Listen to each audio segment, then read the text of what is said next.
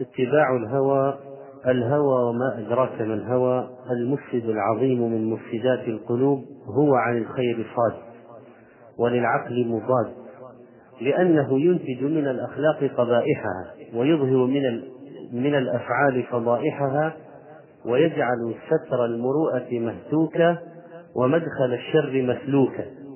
والهوى مطية الفتنة والدنيا دار المحنة فانزل عن الهوى تسلم وأعرض عن الدنيا تغنم ولا يغرنك هواك بطيب الملاهي ولا تفتننك دنياك بحسن العواري فمدة له تنقطع وعارية الدهر ترتجع ويبقى عليك ما ترتكبه من المحارم وتكتسبه من المآثم والهوى حجاب بين العبد وربه به خفت النار واستحق به غضب الجبار وحرم أتباعه منازل الأبرار ولهذا عظمت منزلة مخالفته فلم يجعل الله للجنة طريقا غير مخالفة الهوى ولم يجعل للنار طريقا غير اتباع الهوى قال الله تعالى فأما من طغى وآثر الحياة الدنيا فإن الجحيم هي المأوى وأما من خاف مقام ربه ونهى النفس عن الهوى فإن الجنة هي المأوى قيل هو العبد يهوى المعصية فيذكر مقام ربه عليه في الدنيا ومقامه بين يديه في الآخرة فيتركها أي المعصية لله بل شرع الله الجهاد شرع الله له للهوى الجهاد فجهاد الهوى إن لم يكن أعظم من جهاد الكفار فليس بدونه قال رجل للحسن يا أبا سعيد أي الجهاد أفضل قال جهادك هواك قال ابن القيم رحمه الله وسمعت شيخنا يقول جهاد النفس والهوى أصل جهاد الكفار والمنافقين فإنه لا يقدر على جهادهم حتى يجاهد نفسه وهواه أولا حتى يخرج إليهم يعني للكفار وبدون جهاد الهوى والنفس لا يمكن الخروج إلى جهاد الكفار فلا بد أن ينتصر عليها أولا فإذا كان هذا شأن الهوى أوجب معرفته ليحذر ومعرفة أسبابه وطرق التخلص منه وهذا موضوع الحديث في هذه الليلة بمشيئة الله معنى الهوى لغة واصطلاحا والآيات والأحاديث فيه وموقف التشريع من الهوى وأضرار الهوى وخطر الهوى وما يتعلق باتباع الهوى والأهواء في التشريع وفي العقائد مما يضاد التشريع ويضاد العقائد ويضاد الأحكام الفقهية أيضا ونتحدث كذلك عن علاج الهوى لقد تحدث الشاعر عن قوم رأى معاشرهم جمحوا بطبيعتهم في كل تيار باتباع الهوى وقال عنهم تهوى نفوسهم هوى أجسامهم شغلا بكل دناءة وصغار تبعوا الهوى فهوى بهم وكذا الهوى منه الهوان بأهله فحذاري فانظر بعين الحق لا عين الهوى فالحق للعين الجلية عاري عاري يعني ليس عليه غطاء واضح قاد الهوى الفجار فانقادوا له وأبت عليه مقادة الأبرار الهوى في اللغة مصدر هويه يهواه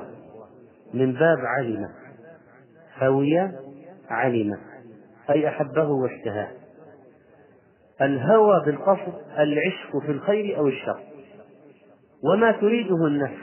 الهوى أيضا من تعريف ذلك والجمع أهو الأهواء وهوي إذا أحب قال ابن القيم رحمه الله في تعريف الهوى الهوى ميل الطبع إلى ما يلائمه وهذا الميل خلق في الإنسان لضرورة بقائه فإنه لولا ميله إلى المطعم والمشرب والمنكح ما أكل ولا شرب ولا نكح ويكون هلك وانقرض فالهوى مستحث لها لما تريده هذه النفس كما أن الغضب دافع عنه ما يؤذيه فلا ينبغي ذم الهوى مطلقا ولا مدحه مطلقا كما أن الغضب لا يذم مطلقا ولا يحمد مطلقا وإنما يذم ما فيه إفراط من النوعين وهو ما زاد على جلب المنافع ودفع المضار هناك غضب لله وهناك غضب للنفس هذا ذاك محمود وهذا مذموم وكذلك الهوى هناك هوى فيما يحبه الله عندما تصبح النفس تهوى ما يحبه الله هذا هو محمود ما أرى ربك إلا يسارع في هواك لكن الهوى المذموم أكثر والمقصود أن الهوى من جملة السلوك الفطرية عند الإنسان وهذا أمر ضروري وملازم للنفس وليس مكتسبا ولذلك لا يذم مطلقا ولا يمدح مطلقا وهنا يأتينا إشكال وهو أننا وجدنا آيات في القرآن الكريم مفادها ذم الهوى مطلقا فما, فما هو وجه التوفيق بين هذا وبين ما تقدم قال تعالى فلا تتبعوا الهوى أن تعدلوا وقال تعالى يا داود إنا جعلناك خليفة في الأرض فاحكم بين الناس بالحق ولا تتبع الهوى فيضلك عن سبيل الله وكذلك ما جاء في السنة وكلام الصحابة والعلماء كما سيأتي قال ابن القيم رحمه الله في كلام له في رفع هذا الإشكال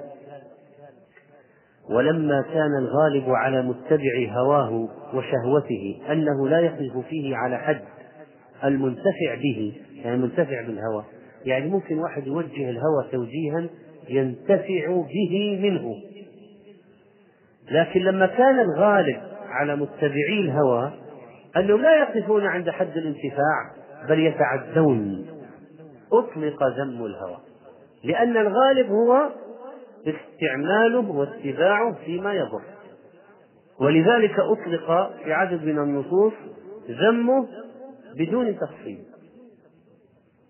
لماذا؟ لعموم غلبة الضرر مثل الشهوة والغضب أنت ترى في كثير من النصوص ذم الشهوة والغضب طيب ما في شهوة مباحة؟ ما في شهوة مستحبة؟ ما في غضب محمود؟ فلماذا أطلق في كثير من النصوص ذم الشهوة والغضب؟ لأنها غالبا تهلك وليس لأن كلها حرام فليعلم هذا فيحصل التوفيق وتفهم القضية ويندر من يقصد العدل في هذه الأمور ويقف عندها ولذلك لا تكاد تجد الهوى في الكتاب والسنة إلا مذموما والسنة ما ليس بمذموم فيها من ذكر الهوى جيء به مقيدا كما جاء في الحديث الذي صححه بعض أهل العلم وضعفه بعضهم لا يؤمن أحدكم حتى يكون هواه تبعا لما جئت به فإذا كان هواه تبعا لما جاء به النبي عليه الصلاة والسلام كان الهوى ذلك ممدوحا ولما كان الهوى منه ما يكون محبا للخير حاضا عليه ومنه ما يكون مريدا للشر حاضا عليه تجد أن الله عز وجل يضيف الهوى في أكثر الآيات للكفار ولا تتبع أهواء الذين كذبوا بآياتنا قل لا أتبع أهواءكم قد ضللت إذا وما أنا من المهتدين ولا تتبعوا أهواء قوم قد ضلوا من قبل وأضلوا كثيرا وضلوا عن سواء السبيل من المقصود بهذه الآية أي نوع من الكفار أهل الكتاب فاحكم بينهم بما أنزل الله ولا تتبع أهواءهم عما جاءك من الحق فلذلك تدعو واستقم كما أمرت ولا تتبع أهواءهم أرأيت من اتخذ إلهه هواه أفأنت تكون عليه وكيلا وقد جاء في الحديث نسبة الهوى إلى صاحبه كما قال والعاجز من أتبع نفسه هواها مع تقصيره في طاعة الله واتباع شهواته لا يستعد لا يعتذر لا يرجع بل يتمنى العفو والجنة مع الإصرار وترك التوبة والاستغفار العاجز من غلبت عليه نفسه فأعطاها ما تشتهيه قال الحسن إن قوما ألهتهم الأماني حتى خرجوا من الدنيا وما لهم حسنة ويقول أحدهم إني أحسن الظن الظن بربي وكذب فإنه لو أحسن الظن أحسن العمل وذلكم ظنكم الذي ظننتم بربكم أرداكم فأصبحتم من الخاسرين وجاء في الحديث الصحيح في الحوار بين حذيفة وعمر لما روى حذيفة حديث عرض الفتن على القلوب عودا عودا وكيف يصبح القلب قلب المؤمن في النهاية بعد التمحيص أبيض مثل الصفا لا تضره فتنة ما دامت السماوات والأرض القلب الآخر الذي فيه نكتة من المعصية على نكتة أخرى من معصية أخرى على ران يعلو القلب قال والآخر أسود مربازا كالكوز مجخيا لا يعرف معروفا ولا ينكر منكرا إلا ما أشرب من هواه فأضاف الهوى للقلب وأضاف الله عز وجل الهوى دون أن يطلقه إلى الكفار لأن أهواءهم ضالة عن الحق بخلاف المؤمن فإن هواه هو هذا الفرق بين المؤمن والكافر الكافر هواه كله باطل المؤمن قد يكون هواه يرتقي حتى يصير هواه تابع لما جاء به النبي عليه الصلاة والسلام فإذا مال إلى شيء كان ذلك الشيء سنة وطاعة وعلى أدنى الأحوال مباحا على أدنى الأحوال مباحا فهوى المؤمن إذا هوى المؤمن إذا ارتقى في النهاية يصبح موافقا لما في الكتاب والسنة ومما ورد من استعمال في الهوى الذي لا يذم ما تقدم كما في حديث عائشة رضي الله عنها قالت كنت أغار على اللاتي وهبن أنفسهن لرسول الله صلى الله عليه وسلم وأقول أتهب المرأة نفسها يعني عيب شيء مخجل مخجل تأتي امرأة وتهب نفسها للرسول صلى الله عليه وسلم طبعا عائشة تقول فيها شيء من الغيرة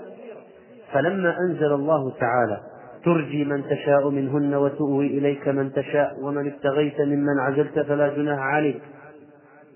وأيضا قال الله له وامرأة مؤمنة إن وهبت نفسها للنبي إن أراد النبي أن يستنكعها خالصة لك من دون المؤمنين قالت عائشة ما أرى ربك إلا يسارع في هواك وفي صحيح مسلم في قضية الأسرى في بعد معركة في بدر قال رسول الله صلى الله عليه وسلم لأبي بكر وعمر لوزيريه مستشيرا ما ترون في هؤلاء الأسارة فقال أبو بكر يا نبي الله هم بنو العم والعشيرة أرى أن تأخذ منهم فدية فتكون لنا قوة على الكفار فعسى الله أن يهديهم للإسلام فقال رسول الله صلى الله عليه وسلم ما ترى يا ابن الخطاب قلت لا والله يا رسول الله ما أرى الذي رأى أبو بكر ولكني أرى أن تمكنا فنضرب أعناقهم فتمكن عليا من عقيل أخوه عقيل بن أبي طالب فيضرب عنقه وتمكنني من فلان نسيب لعمر فأضرب عنقه فإن هؤلاء أئمة الكفر وصناديدها قال عمر فهوي رسول الله صلى الله عليه وسلم ما قال أبو بكر ولم يهو ما قلت فإذا المال إلى قول الصديق وسماه هوى مع أنه أخذ به لمصلحة الإسلام في ظنه وليس لأجل اتباع الهوى المخالف للحق فكان ذلك الاجتهاد من النبي عليه الصلاة والسلام وصاحبه ناخذ ما ننتفع به من المال منهم ليس لجيوبنا ولكن لمصلحة الإسلام وهم لعل الله أن يهديهم فيموتوا على الإسلام بدل ما نقتلهم على الكفر هوي رسول الله صلى الله عليه وسلم ما قال أبو بكر ولويها ما قلت طبعا نزل القرآن مفوضا رأي عمر رضي الله عنه لأنه ليس له أي مدخل في الدنيا وإنما ضرب الرقاب إسخانا في هؤلاء الكفار لتنكسر شوكتهم مقدم على أخذ الأموال وإطلاق هؤلاء فربما يعودون في الجيش القادم ضد المسلمين وتأمل قول النبي صلى الله عليه وسلم في حديث أبي هريرة كتب على ابن آدم نصيبه من الزنا مدرك ذلك لا محالة فالعينان زناهما النظر والأذنان زناهما الاستماع واللسان زناه الكلام واليد زناها البطش والرجل زناها الخطى والقلب يهوى ويتمنى ويصدق ذلك الفرج ويكذبه فقوله صلى الله عليه وسلم والقلب يهوى ويتمنى ليس في الشر فقط بل في الخير أيضا ولهذا قال بعده ويل والفرج ويصدق ذلك الفرج ويكذبه ما هو المنهي بالنسبة لنا الآن أي هوى الذي ننهى عنه اتباع الهوى لو نزلنا إلى المواضع التي في الكتاب العزيز لو رأينا في المواضع التي نزلت في الكتاب العزيز عرفنا أننا نهينا عن اتباع أهواء الكفار كما تقدم في النصوص وقال تعالى أفمن كان على بينة من ربه كمن زين له سوء عمله واتبعوا أهواءهم هل هذا مثل الذي يتبع هواه ولا تطع من أغفلنا قلبه عن ذكرنا واتبع هواه وكان أمره فرطا وهذا الاتباع فيه التقصي للشيء من كل وجه لأن الاتباع في الأصل المشي خلف الشيء فالذي يكون متبعا لهواه يعني تأمل دقة العبارة في القرآن تأمل بلاغة القرآن واتبع هواه إذا قلت فلان اتبع فلان يعني مشى وراءه واحدة بواحدة حذو النعل بالنعل فقول الله تعالى واتبعوا أهواءهم فكأن الهوى هو القائد وهم يسيرون خلفه فيتبعون فحيثما مال بهم الهوى مالوا وحيثما قادهم انقادوا وهكذا واتبع هواه وقد جاءت جاءت السنة بهذا التعبير عن أبي أمية الشعباني قال سألت أبا ثعلب الخشني فقلت يا أبا ثعلبة كيف تقول في هذه الآية عليكم أنفسكم قال أما والله لقد سألت عنها فقال بل ائتمروا بالمعروف لاحظ هل قول عليكم أنفسكم يعني كل واحد حاله حال نفسه ما له دخل بالناس ما له دخل إذا رأيت على منكر على معروف على خطأ على صواب على سنة على بدعة على حق على باطل ما تتدخل عليك نفسك هل هذا معنى الآية؟ كلا ولذلك قال إني سألت النبي عليه الصلاة والسلام عنها قال بل ائتمروا بالمعروف وتناهوا عن المنكر حتى إذا رأيت شحا مطاعا وهوى متبعا الناس تتبع رأيه أو تتبع هواه ودنيا مؤثرة مقدمة على الآخرة وإعجاب كل ذي رأي برأيه ما أحد يرضخ الأحد كل واحد شايف نفسه هو شيخ المشايخ وأعقل العقلاء وأحكم الحكماء وأذكى الأذكياء ولا أحد يتنازل الثاني وإعجاب كل ذي رأي برأيه فعليك بنفسك ودع عنك العوام الآن يطبق عليك نفسك الآن لما ما في في مجال إلا هذا فسدت الدنيا وفسد الجو المحيط والبيئة وكل واحد متبع هواه والشح منتشر والدنيا مقدمة وكل واحد معجب برأيه ما في فائدة إذا من الأمر المعروف والنهي عن المنكر أغلقت الأبواب في وقت سيمر على البشرية بهذه الطريقة وبهذه الصفات فعليك نفسك عندئذ الزم نفسك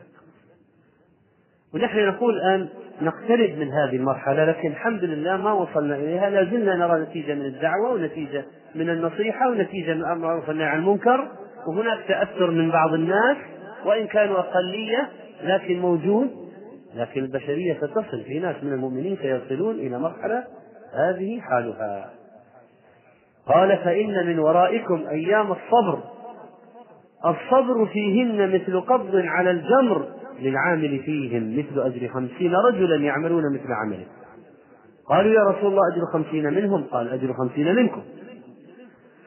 وقال النبي صلى الله عليه وسلم إن مما أخشى عليكم شهوات الغي في بطونكم وفروجكم ومضلات الهوى صحيح الترغيب فقيد الهوى بالمضلات قال شيخ الإسلام ابن تيمية ونفس الهوى والشهوة لا يعاقب عليه كل واحد في نفسه هوى وشهوة صح ولا لا؟ هل يعاقب لأن في نفسه هوى وشهوة؟ هل مطلوب من كل إنسان أن يستخرج الهوى والشهوة من نفسه وينبذها خارجا؟ الجواب لا ولا يعني لا يأثم على وجودها وليس مطالبا باستخراجها لأنه ببساطة لا يمكن لا يمكن اتزاع الهوى والشهوة من النفس وإلقاءها في الخارج لا يمكن ولذلك قال شيخ الإسلام ونفس الهوى والشهوة لا يعاقب عليه بل على اتباعه والعمل به إذا صار يتبع الشهوة في كل شيء ويتبع الهوى في كل شيء فالعقوبة على الاتباع لا على نفس الشهوة والهوى كلام دقيق موزون فإذا كانت النفس تهوى وهو ينهاها إذا كانت النفس تهوى الحرام فإذا كانت النفس تهوى وهو ينهاها كان نهيه عبادة لله وعملا صالحا وكان ما هذا الرجل في جهاد ونهى النفس عن الهوى فإن الجنة هي المأوى ولهذا قال النبي صلى الله عليه وسلم ثلاث مهلكات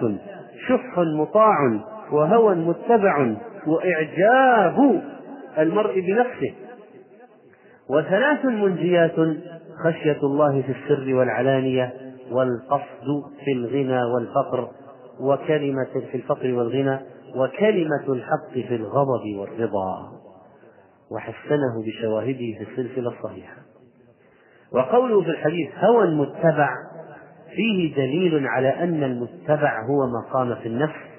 كقولي في الشح المطاع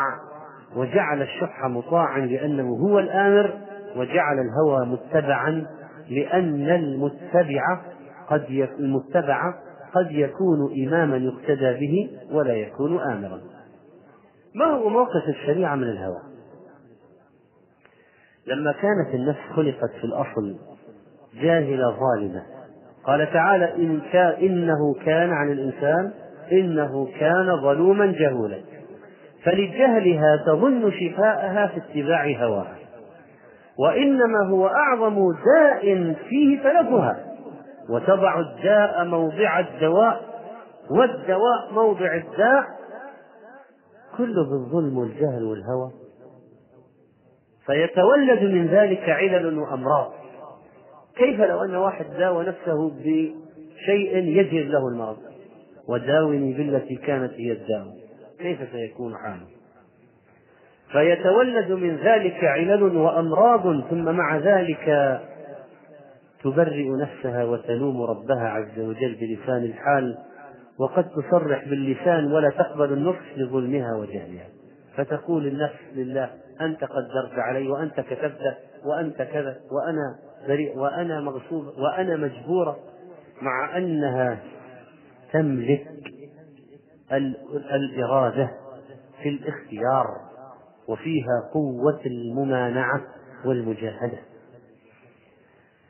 فهاتان الخصلتان الظلم والجهل هما أساس كل شر عند الإنسان ولا يظن يظن أن ظلم الإنسان وجهله يكون في حق غيره فعسى بل إن أول من يتضرر بهذا هي نفسه التي بين الجنبين والتشريع إنما جاء لإصلاح الإنسان في دنياه وآخرته ولصلاحه كذلك وهواه المبني على الظلم والجهل لا يمكن أن يحقق له سعادة في الدنيا ولا في الآخرة فإذا علمت هذا علمت حقيقة التضاد بين الهوى والشرع لاحظ الآن النفس ظلم وجهل والهوى مركب فيها والتشريع جاء لإصلاحها فمن المتوقع أن يحدث هناك تعارض بين الشرع وبين النفس لأن تهوى وتجهل وتظلم والشرع يريد صلاحا وإصلاحا وعدلا فمن المتوقع أن يحدث الصدام بين الشرع والنفس وهذا الحق والشرع واتباع الهوى نقيضان لا يجتمعان فحيث يأتي الأمر باتباع الشرع يأتي النهي عن اتباع الهوى هاتوا دليلا من القرآن الكريم نجد فيه أن الأمر باتباع الشرع جاء مقرونا بالنهي عن اتباع الهوى هاتوا دليلا من القرآن الكريم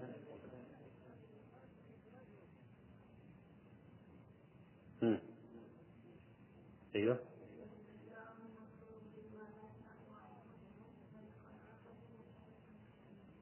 وأصرح من هذا أيضا أيضا طيب في تصريح باتباع الشرع وأعقبه بالنهي عن اتباع الهوى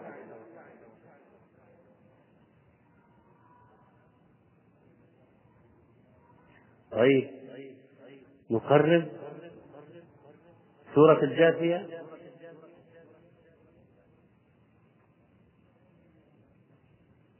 سورة الجاثية آية 18 ثم جعلناك على شريعة من الأمر فاتبعها ولا تتبع أهواء الذين لا يعلمون والحكم بالشرع يأتي مناقضا للهوى وأن احكم بينهم بما أنزل الله ولا تتبع أهواءهم وجاء هذا التحذير الأنبياء السابقين يا داود إنا جعلناك خليفة في الأرض فاحكم بين الناس ولا الحق ولا تتبع الهوى فيدلك عن سبيل الله قال الشاطبي حصر الأمر في شيئين الوحي وهو الشريعة والهوى فلا ثالث لهما يعني قال ما في إلا شريعة وهوى بس ما في شيء ثالث وإذا كان كذلك فهما متضادان وحين تعين الحق في الوحي توجه للهوى ضده وهو إيه بالباطل فاتباع الهوى مضاد للحق لأن الآية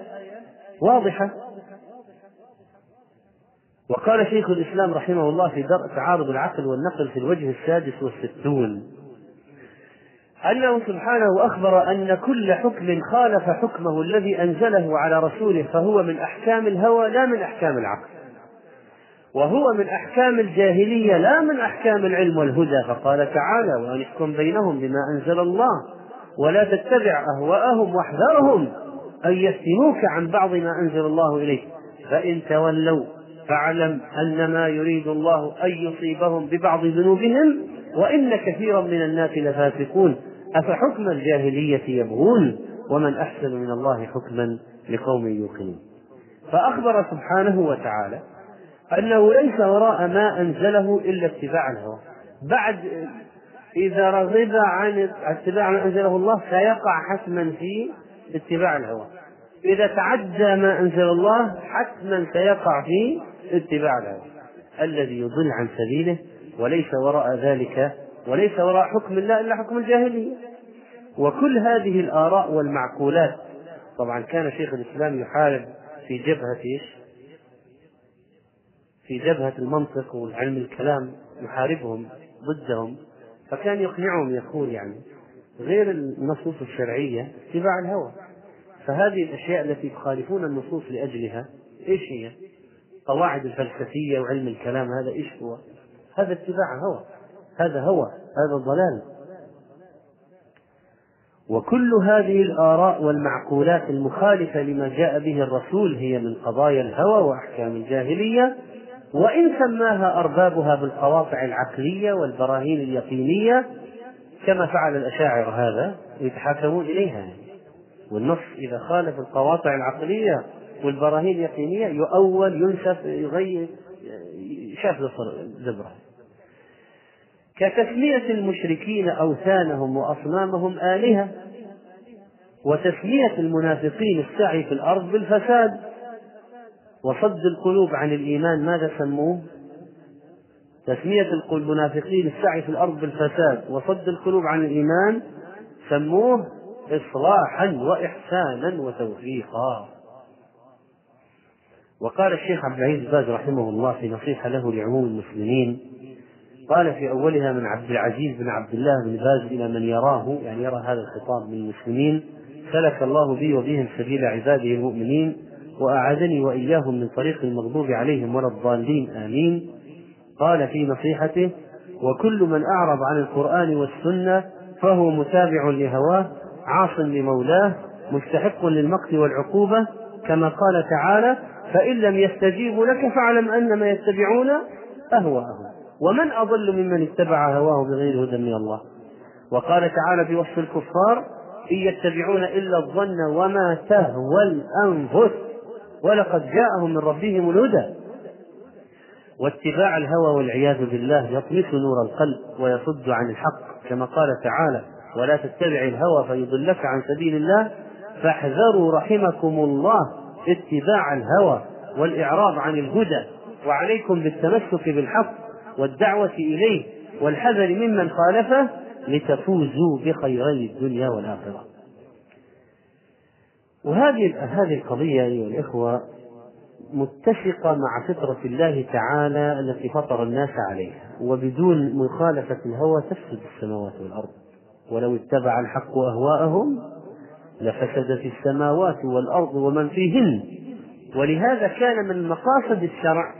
تعبيد الناس لرب العالمين وتخليصهم من رفق الهوى وأسره قال الشاطبي رحمه الله المقصد الشرعي من وضع الشريعة يعني هذه الأحكام إخراج المكلف عن داعية هواه حتى يكون عبدا لله اختيارا كما هو عبد لله اضطرارا الآن نحن هل نستطيع الخروج عن قدر الله وقضائه إطلاقا فنحن عبيد رغبا عنا من هذه الناحية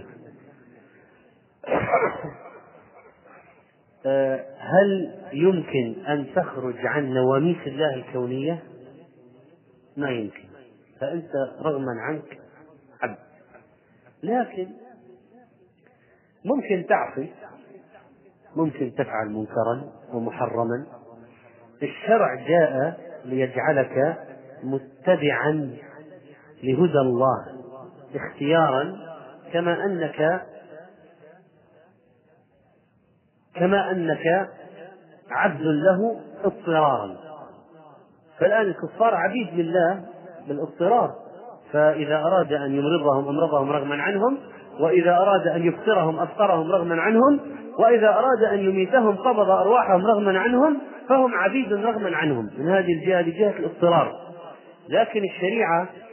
لا تريد فقط جهة العبودية جهة الاضطرار فقط تريد أيضا أن يكون عبدا من جهة الاختيار فيصلي لله بنفسه ويزكي بنفسه ويذكر بنفسه ويدعو بنفسه ويترك الحرام اختيارا منه فيؤجر حتى يصير يعبد الله اختيارا كما انه يعبده اضطرارا فالشريعه جاءت بتعبيد النفس لله ولذلك ترى الشريعه لا تامر باشياء تهواها النفس اصلا ما في أوامر كذا في القرآن الكريم والسنة كثيرة تقول كلوا لا تنسوا الأكل عليكم بالأكل والمأكولات والأكل وعليكم بالشرب يا أيها الناس الشرب والشراب من شرب فله كذا كذا حسنة وكذا انكحوا ومن نكح فله كذا كذا وهاتوا اشتروا وبيعوا حصلوا الأموال من حصل الأموال فله كذا لماذا لم تأتي الشريعة بنصوص من هذا النوع وإنما تجد الشيء الشاق على النفس والثقيل على النفس في أشياء كثيرة كم نص الصلاة وكم نص الجهاد لأنها ثقيلة على النفس لكن الأشياء الخفيفة اللي أصلا النفس تهواها هل تجد فيها آيات كثيرة في الحث على الأكل والشرب والنوم والنكاح والبيع والشراء هل في نصوص؟ لا لماذا؟ لأن هوى العبد أصلا معها يعني فلا يحتاج إلى مؤكدات ومحفزات ومرغبات فيها لكن الأشياء التي تخالف هوى النفس كالصلاة والجهاد والصيام وإخراج الأموال والصدقات والبذل والتضحية فيها نصوص كثيرة وفيها مرغبات وفيها مرهبات من تركها لماذا؟ لأن الشريعة تريد أن يكون العبد متبعا لمولاه لا متبعا لهواه وأن يكون وأن يكون عبدا اختيارا كما هو عبد اضطرارا قال ابن القيم رحمه الله ولما امتحن المكلف بالهوى من بين سائر البهائم امتحن بالهوى يعني الله يحاسبه على موقف من الهوى من بين سائر البهائم يعني الله ما كلف البهائم وكان كل وقت تحدث عليه حوادث جعل فيه حاكمان حاكم العقل وحاكم الدين وأمره أن يرفع حوادث الهوى دائما إلى هذين الحاكمين وأن ينقاد لحكمهما طبعا العقل الموافق للشرع وليس العقل المخالف للشرع العقل المخالف للشرع ليس بعقل في الحقيقة لا يعقل صاحبه عن الأضرار إنما سمي العقل عقلا لأنه يعقل صاحبه عما يضره وقال الماوردي رحمه الله في كلام له نفيس فلما كان الهوى غالبا والى سبيل المهالك موردا جعل العقل عليه رقيبا مجاهدا يلاحظ عثره غفلته ويدفع بادره سطوته ويدفع خداع حيلته لان سلطان الهوى قوي ومدخل مكره خفي ومن هذين الوجهين يؤتى العاقل حتى تنفذ احكام الهوى عليه قوه سلطانه وخفاء مكره أما الوجه الأول فهو أن يقوى سلطان الهوى بكثرة دواعيه حتى يستولي عليه يعني على العبد مغالبة الشهوات فيكل العقل عن دفعها يعني هو الآن أي واحد ممكن تكون عنده عقل يدفع به الشهوات لكن إذا كثرت الشهوات سيتعب العقل من الدفع والدرء فيخف سلطانه وتحكمه ويقوى الهجوم فيضعف عن المنع فيقع مع أنها واضحة في العقل أنها غلط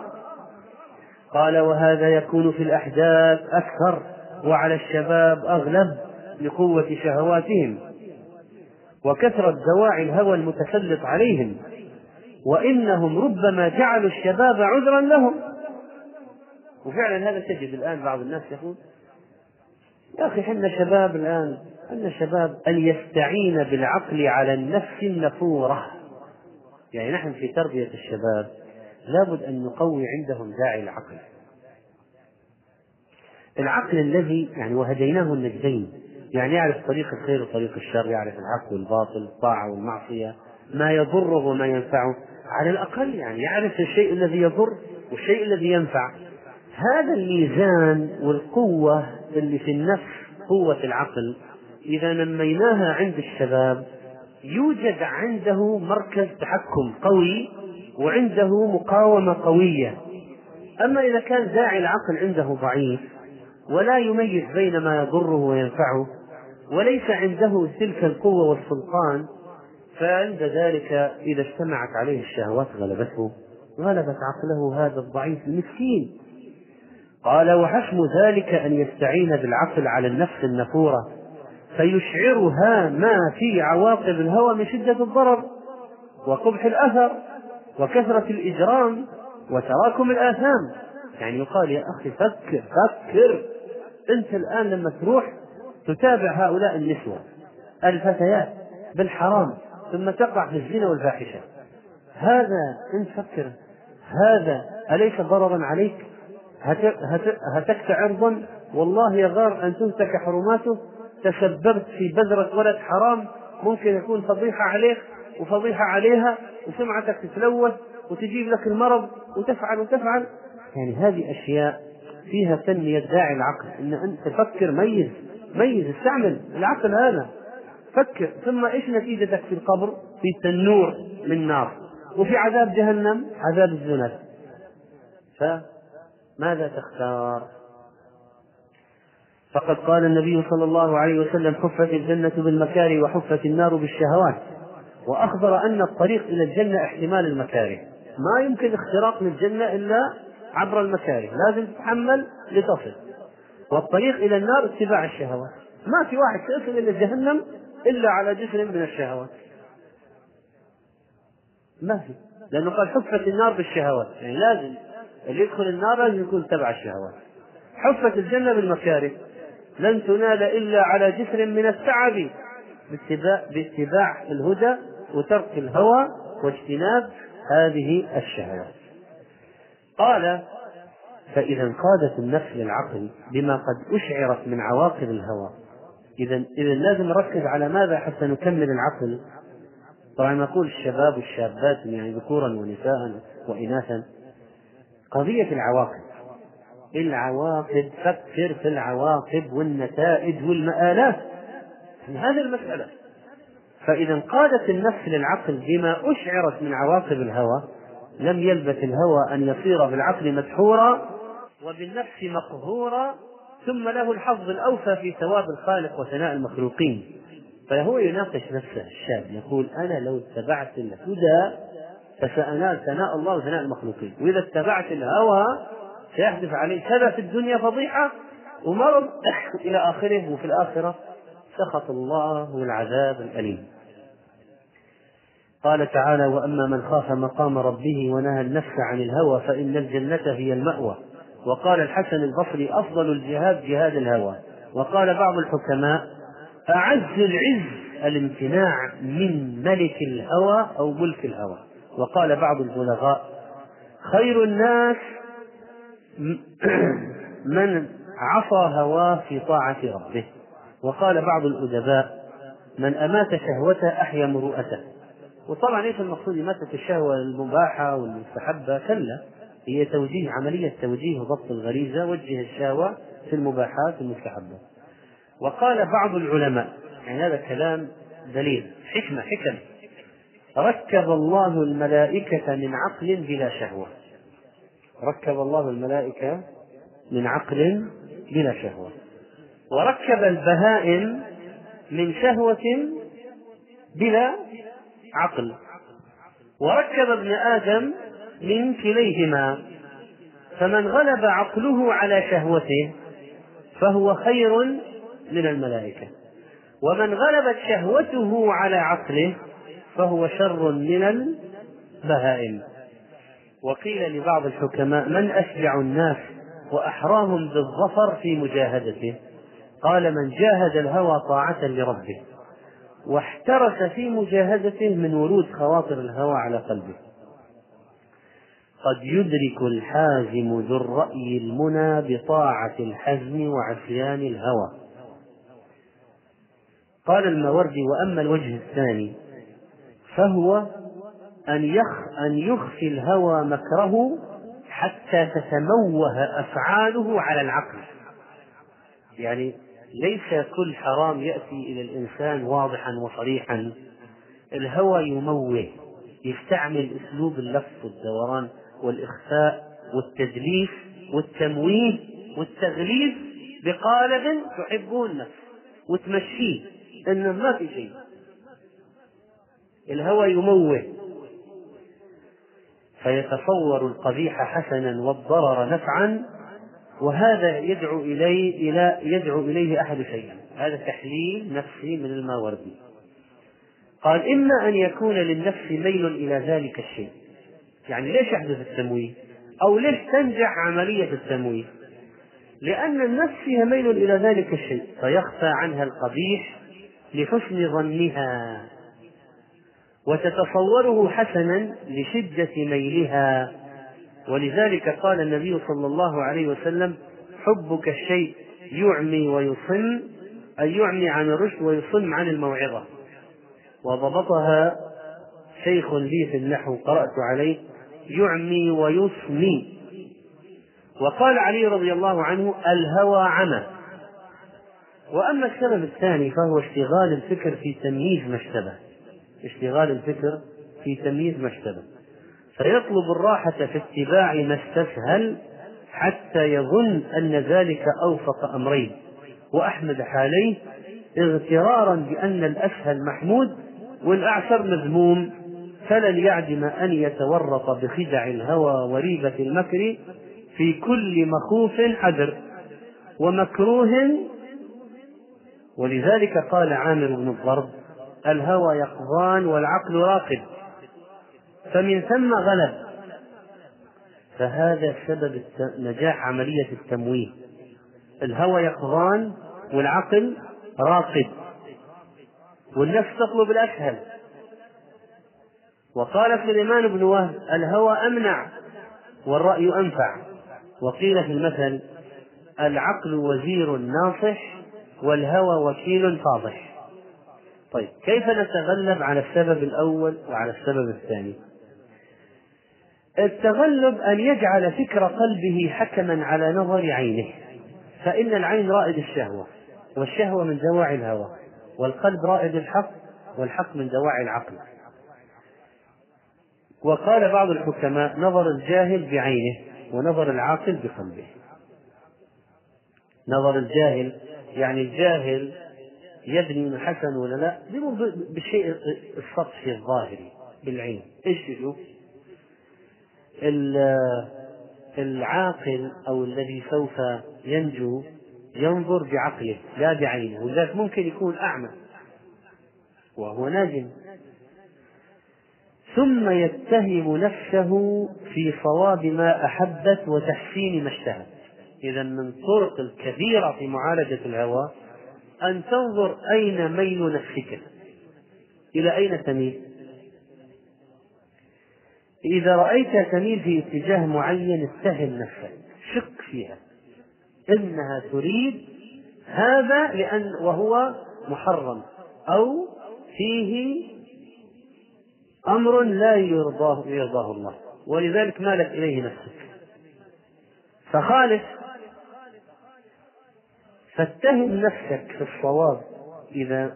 اتهم نفسك فيما أحبت وما اشتهت ثم انظر إذا صرت بين أمرين أيهما أثقل على النفس لو صرت بين أمرين تفعل أو لا تفعل تختار هذا أو هذا فانظر أيهما أثقل فانظر أيهما أثقل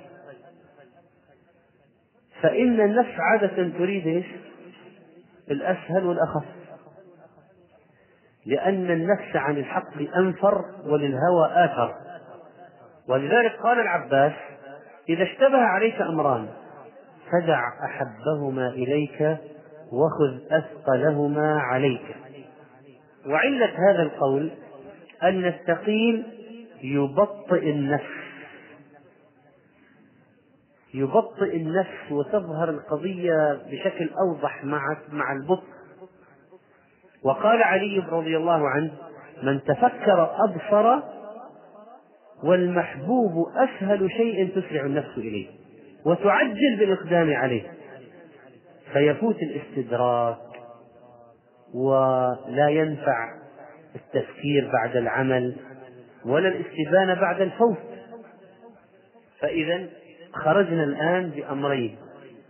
انظر ما تميل إليه نفسك فخالفه وإذا تعرضت لأمرين فانظر أثقلهما عليك فرجح أن يكون فيه الصواب وأخفهما على نفسك فشك ورجح أن هذا فيه الخطأ والباطل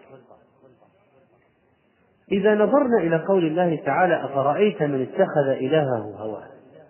ما معنى هذه الآية اتخذ دينه هواه لا يهوى شيئا إلا ركبه فهؤلاء الكفار لا يؤمنون بالله ولا يحرمون ما حرمه ولا يحللون ما حلله إنما دين الواحد منهم اتباع هواه أفرأيت من اتخذ إلهه هواه ذلك الكافر اتخذ دينه بغير هدى من الله ولا برهان أفرأيت من اتخذ إلهه هواه لا يهوى شيئا إلا ركبه ولا يخاف الله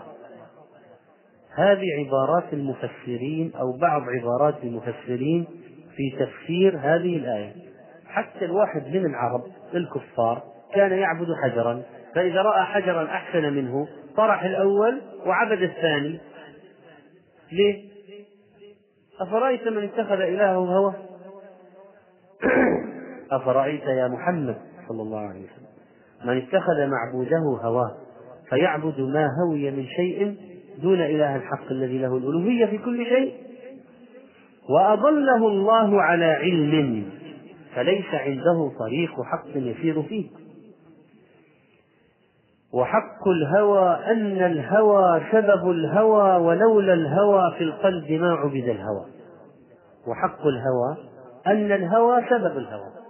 ولولا الهوى في القلب ما عبد الهوى ألا ترى علم الله بالأشياء ما أكمله ألا ترى أنه جعل الضلالة والحيرة وأضله وفي من أضله على علم وأضله الله على علم هذا أشد شيء أشد شيء ألا ترى أن العاشق من شدة إعجابه يكاد يعبد المعشوق ألا ترى أن هؤلاء أهل البدع لبس عليهم وأضلهم الله وبعضهم على علم يعلمون أنت تظن أن شيوخ أهل البدع ما اطلعوا على كلام أهل السنة أنت تظن يعني أن رهبان النصارى الكبار في الفاتيكان ما قرأوا في مقارنة الأديان إذا لماذا لا زالوا يصرون على ما هم عليه اتباع الهوى فهم يقولون أتباعنا بالملايين إذا تركنا هذا راح علينا المنصب راح الجاه وراحت العلاوات والمميزات ميزات ذهبت فهم لا يزالون أضلهم الله على علم التوحيد والهوى متضادان كما قال ابن القيم فإن الهوى صنم ولكل عبد صنم في قلبي بحسب هواه وإنما بعث رسول الله صلى الله عليه وسلم بكسر الأصنام وعبادة الله وليس المراد الله سبحانه كسر الأصنام المجسدة وترك الأصنام التي في القلب بل المراد كسرها من القلب أولا لاحظ العبارة الرسول عليه الصلاة والسلام بعث بكسر ماذا؟ الأصنام هناك أصنام فين؟ في القلب وفي أصنام في الواقع وفمن القصور الشديد تكسير الأصنام التي في الواقع في الخارج وترك الأصنام التي في الداخل وكل واحد عنده هوى يعبد صنما في قلبه هو يتبعه يتبع هواه ولذلك قالوا صنم كل إنسان هواه فمن كسره بالمخالفة استحق اسم الفتوة وتأمل قول الخليل لقومه ما هذه التماثيل التي أنتم لها عاكفون كيف تجده مطابقا للتماثيل التي يهواها القلب أرأيت من اتخذ إلهه هواه أفأنت تكون عليه وكيلا أم تحسب أن أكثرهم يسمعون أو يعقلون وقال تعالى واتل عليهم نبأ الذي آتيناه آياتنا فانسلخ منها فأتبعه الشيطان فكان من الغاوين ولو شئنا لرفعناه بها ولكنه أخلد إلى الأرض واتبع إيش؟ واتبع هواه فمثله كمثل الكلب إن تحمل عليه يلهث أو تتركه يلهث إن تحمل عليه تزجره وتطرده يلهث أو تتركه من غير زجر يلهث ولذلك قيل كل حيوان يلهث من تعب أو عطش سوى الكلب فإنه يلهث في كل حال من الراحة والشدة والعطش والشبع والري والجوع يلهث في كل حال الكلب يلهث في كل حال قال وكذلك متبع هواه يلهث على غرض نفسه ويتعطش إلى الدنيا وإلى الحظ العاجل ولا يلتفت إلى الوعظ والنصائح ولا إلى غيرهما فانظر شؤم حب الدنيا ما يفعل بالعلماء شوف أتيناه آياتنا عالم يعني فانسلخ منها فأتبعه الشيطان فكان من الغاوين ولو شئنا لرفعناه بها ولكنه أخلد الأرض واتبع هواه فمثله كمثل الكلب نزول هائل جدا من عالم إلى كلب كذا لماذا؟ آتيناه آياتنا لكن أعرض عنها انسلخ هذا السلخ كيف؟ سلخ يعني فصل تام شوف التعبير القرآني انسلخ منها ما في ولا ولا تقاء مماسة مع أي شيء منها انسلخ واتبع هواه فمثله كمثل الكلب هذا الانحدار يعني كيف يصبح قبيحا للغاية قبيحا جدا فعلى الإنسان أن لا يختار لنفسه أن يكون الحيوان البهيم أحسن حالا منه فإن الحيوان يميز بطبعه بين مواقع الضرر ومواقع النفع ما ترى بعض الحيوانات ما تأكل أشياء لأن لأن هذا القط يميز أن هذا الضرر عليه لو أكله والإنسان قد أعطي عقلا فالواجب عليه أن يميز ما يضره مما ينفعه وكيف يكون الحيوان البهيم أحسن حالا منه والبهيمة تصيب من لذة المطعم والمشرب والمنكح ما لا يناله الإنسان مع عيش هنيء خال عن الفكر والهم البهيمة مبسوطة في الحقيقة يعني ما في هم ولا غم ولذلك تساق إلى منحرها وهي منهمكة على الشهوات تجر على الذبح هو سيأكل يمين شوي يمين شوي ولو التفقيه هو قبل أن يذبح شارب بهيم لفقدان العلم بالعواقب هو ما يعرف ايش يعني جاي على ايش ذبح وبعد الذبح والآدمي لا يناله ما يناله الحيوان لقوة الفكر الشاغل فلو كان نيل المشتهى فضيلة لما بخس منه حق الآدم الذي هو خرافة العالم خرافة العالم ولفار أعطي الإنسان من القوة للشهوات كالبهيمة أكثر من البهيمة ثم لنتأمل حديث الصحيحين في السبعة السبعة الذين يظلهم الله في ظل يوم لا ظل إلا ظل نحن نتكلم عن إيش الهوى في النصوص الشرعية في الكتاب والسنة وعرفنا كما في عرفنا ماذا في قوله تعالى في موضوع الهوى عرفنا قول الله أفرأيت من اتخذ إلهه هواه ثم عرفنا مثل هذا الذي أخلد الأرض واتبع هواه وثالثا نأتي على حديث الصحيحين في موضوع الهوى لنتأمل الأحوال التي تتعلق بالهوى وموقع ابن آدم منها سبعة يظلهم الله في ظله يوم لا ظل إلا ظله إذا تأملت السبعة كما يقول ابن القيم رحمه الله الذين يظلهم الله في عرشه يوم لا ظل إلا ظله وجدتهم نالوا ذلك الظل بمخالفة الهوى فإن الإمام العادل متى صار عادلا لما خالف هواه لما خالف هواه وإلا كان بطش وسرق ونهب وضرب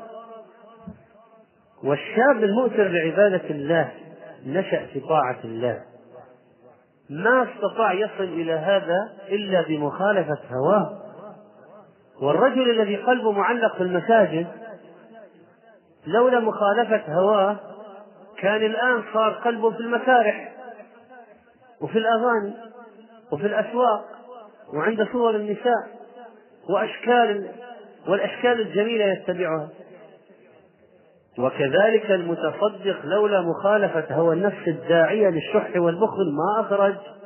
فكيف وقد أخرج إخفاء حتى لا تعلم شماله ما شماله حتى لا تعلم شماله ما تنفق يمينه وذلك الذي دعته المرأة الجميلة فخالف هواه مخافة لله وهذا الذي ذكر الله خاليا ففاضت عيناه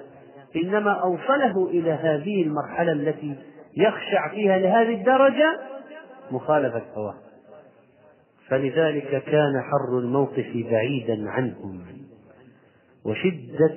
الموقف زائلة عن هؤلاء إذا أردنا أن ننتقل إلى أسباب أسباب اتباع الهوى لماذا يتبع الناس أهواءهم هناك أسباب تنشأ منذ الصغر وتكبر مع الإنسان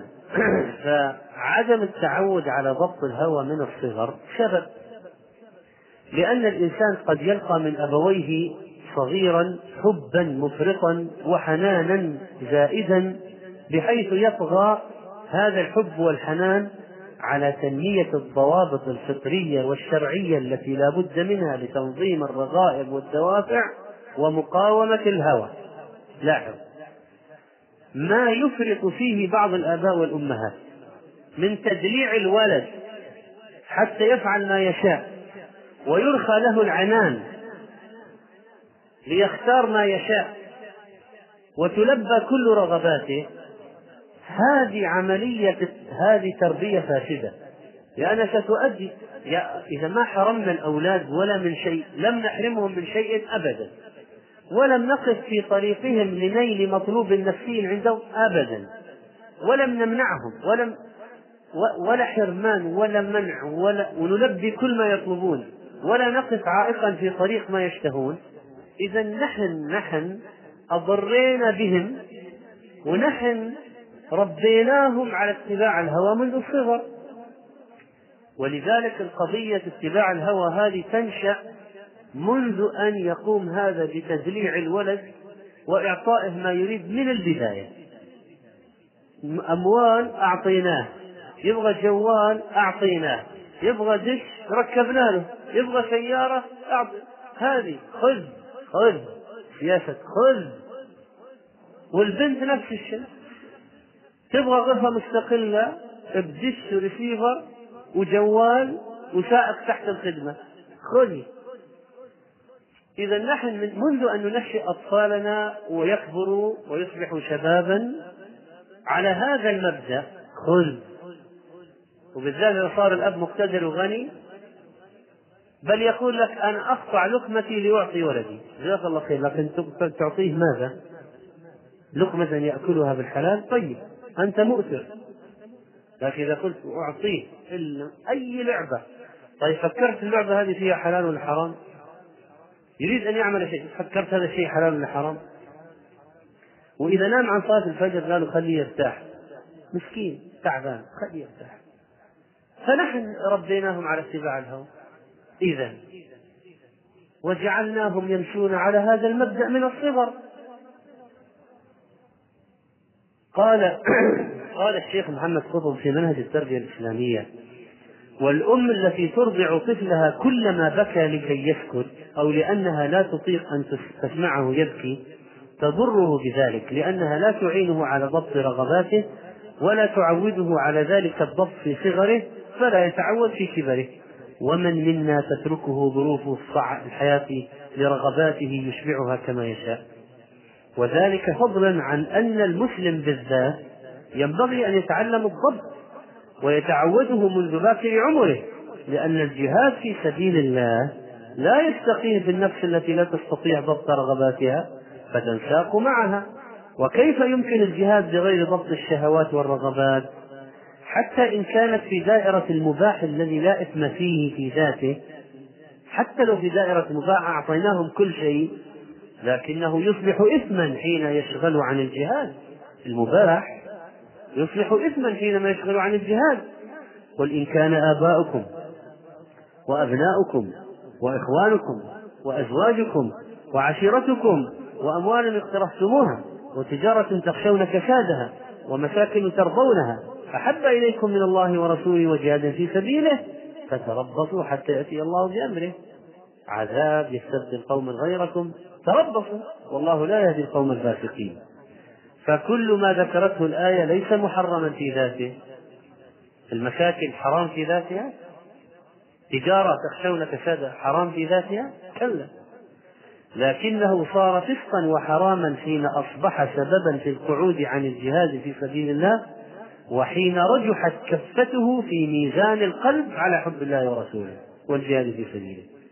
فما الوسيلة للاستقامة على ميزان الله إلا ضبط هذه الرغبات والاستغناء عنها حين تحول بين الإنسان وبين سبيل الله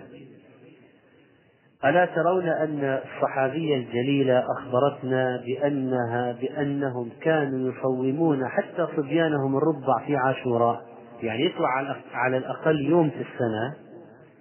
وإذا بكوا أعطيناهم اللعب من العين ينشغلوا بها حتى وقت المغرب حتى الربع كانوا يصومونهم في عاشوراء قال والضبط مقدرة يتدرب الإنسان عليها وعادة يتعلمها وكلما تدرب عليها وهو صغير كان أقدر عليها وأكثر تمكنا منها فيجدها حاضرة في أعصابه حين تفجأه الأحداث ليه؟ لأنه متدرب متدرب كما قال بعضهم أنه كان يرافق شيخا فجاء يعني في طريق سفر فجاء ليشرب من بئر فقال اصبر إلى البئر التي تليها فلما وصل البئر التي تليها أراد أن يشرب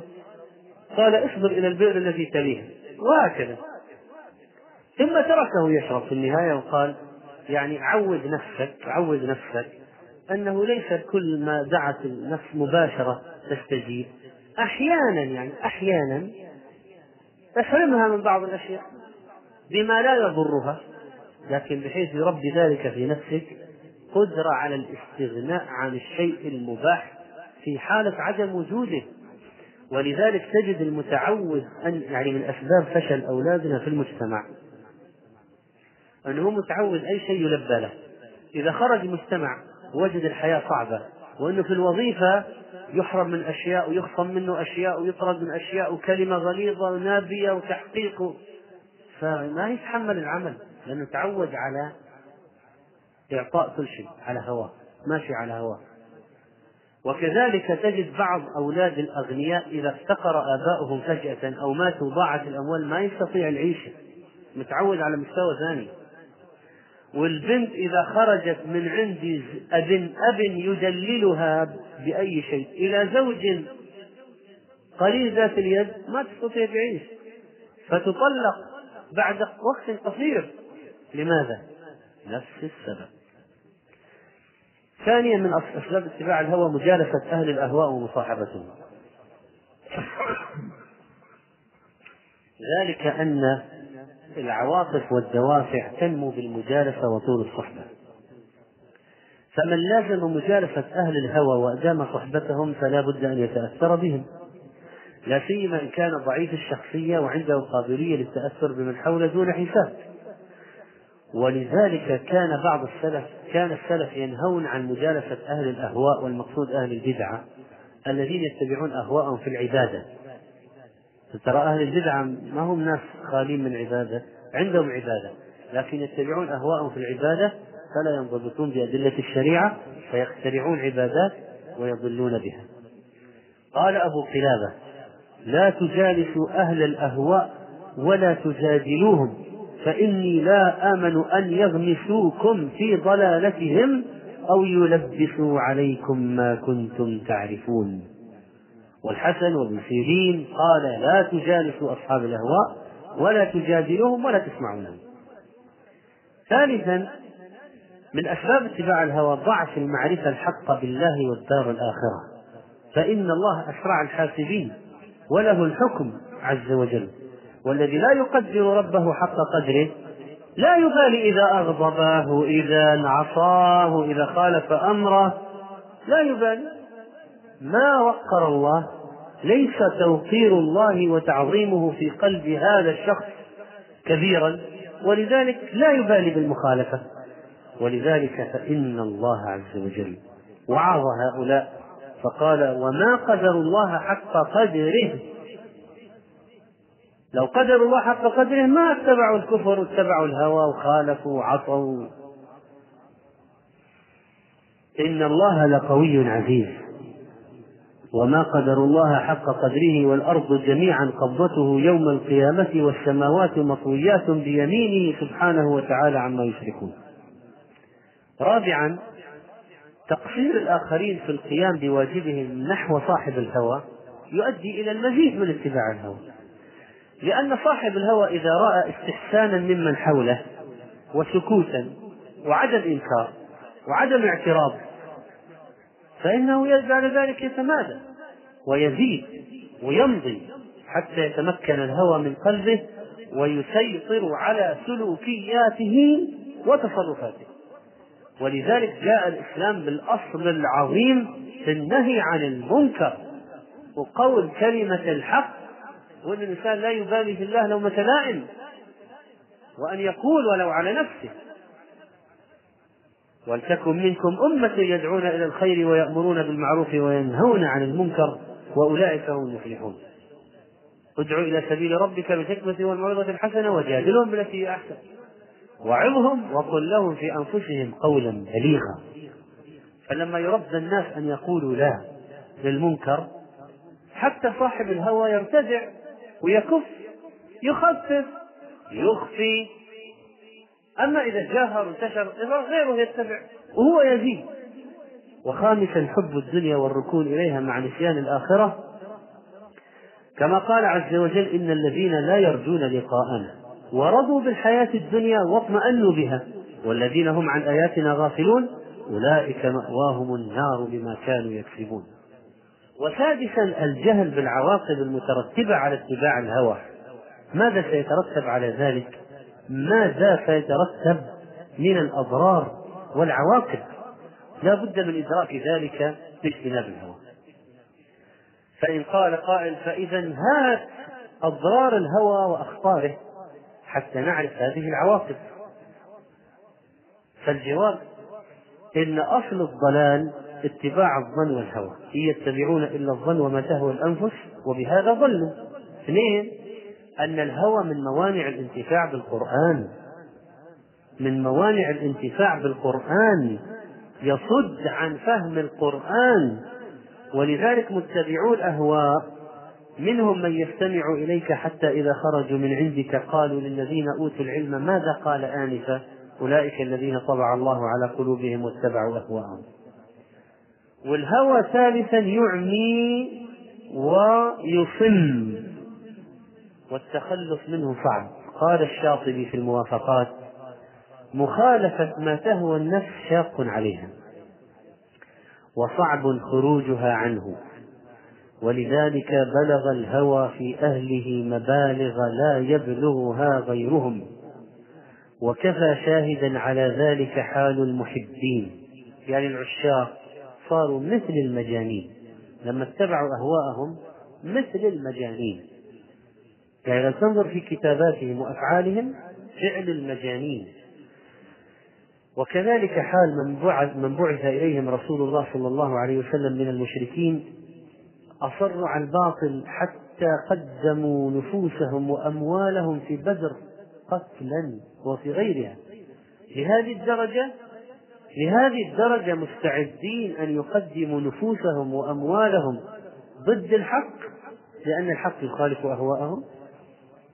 إن يتبعون إلا الظن وما تهوى الأنفس أفمن كان على بينة من ربه كمن زين له سوء عمله واتبعوا أهواءهم ورابعا اتباع الهوى يفسد القلب ويحول بينه وبين السلامة قال ابن القيم رحمه الله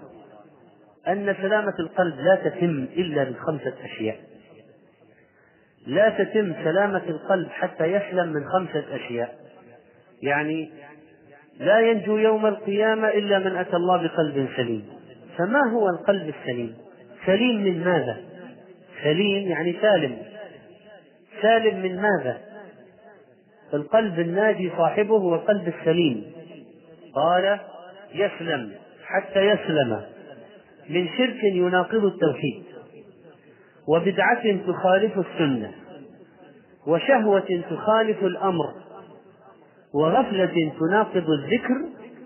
وهوى يناقض التجريد والإقرار وهذه الخمسة حجب عن الله وتحت كل واحد منها أنواع كثيرة لا تحصر أفرادها ولذلك اشتدت حاجة العبد بل ضرورته إلى أن يسأل الله أن يهديه الصراط المستقيم وخامسا أن الهوى ما خالط شيئا إلا أفسده فإن وقع في العلم أخرجه إلى البدعة يعني إذا وقع الهوى في العلم صار طالب العلم مبتدع وصار صاحبه من أهل الأهواء وإن وقع الهوى في الزهد أخرج صاحبه إلى الرياء ومخالفة السنة وإن وقع في الحكم أخرج صاحبه إلى الظلم والصد عن الحق وإذا وقع الهوى في القسمة خرج ذلك إلى إلى الجور وإن وقع في الولاية والعزل الهوى أخرج صاحبه إلى خيانة الله والمسلمين فيولي بهواه ويعزل بهواه وإن وقع في العبادة خرجت عن كونها طاعة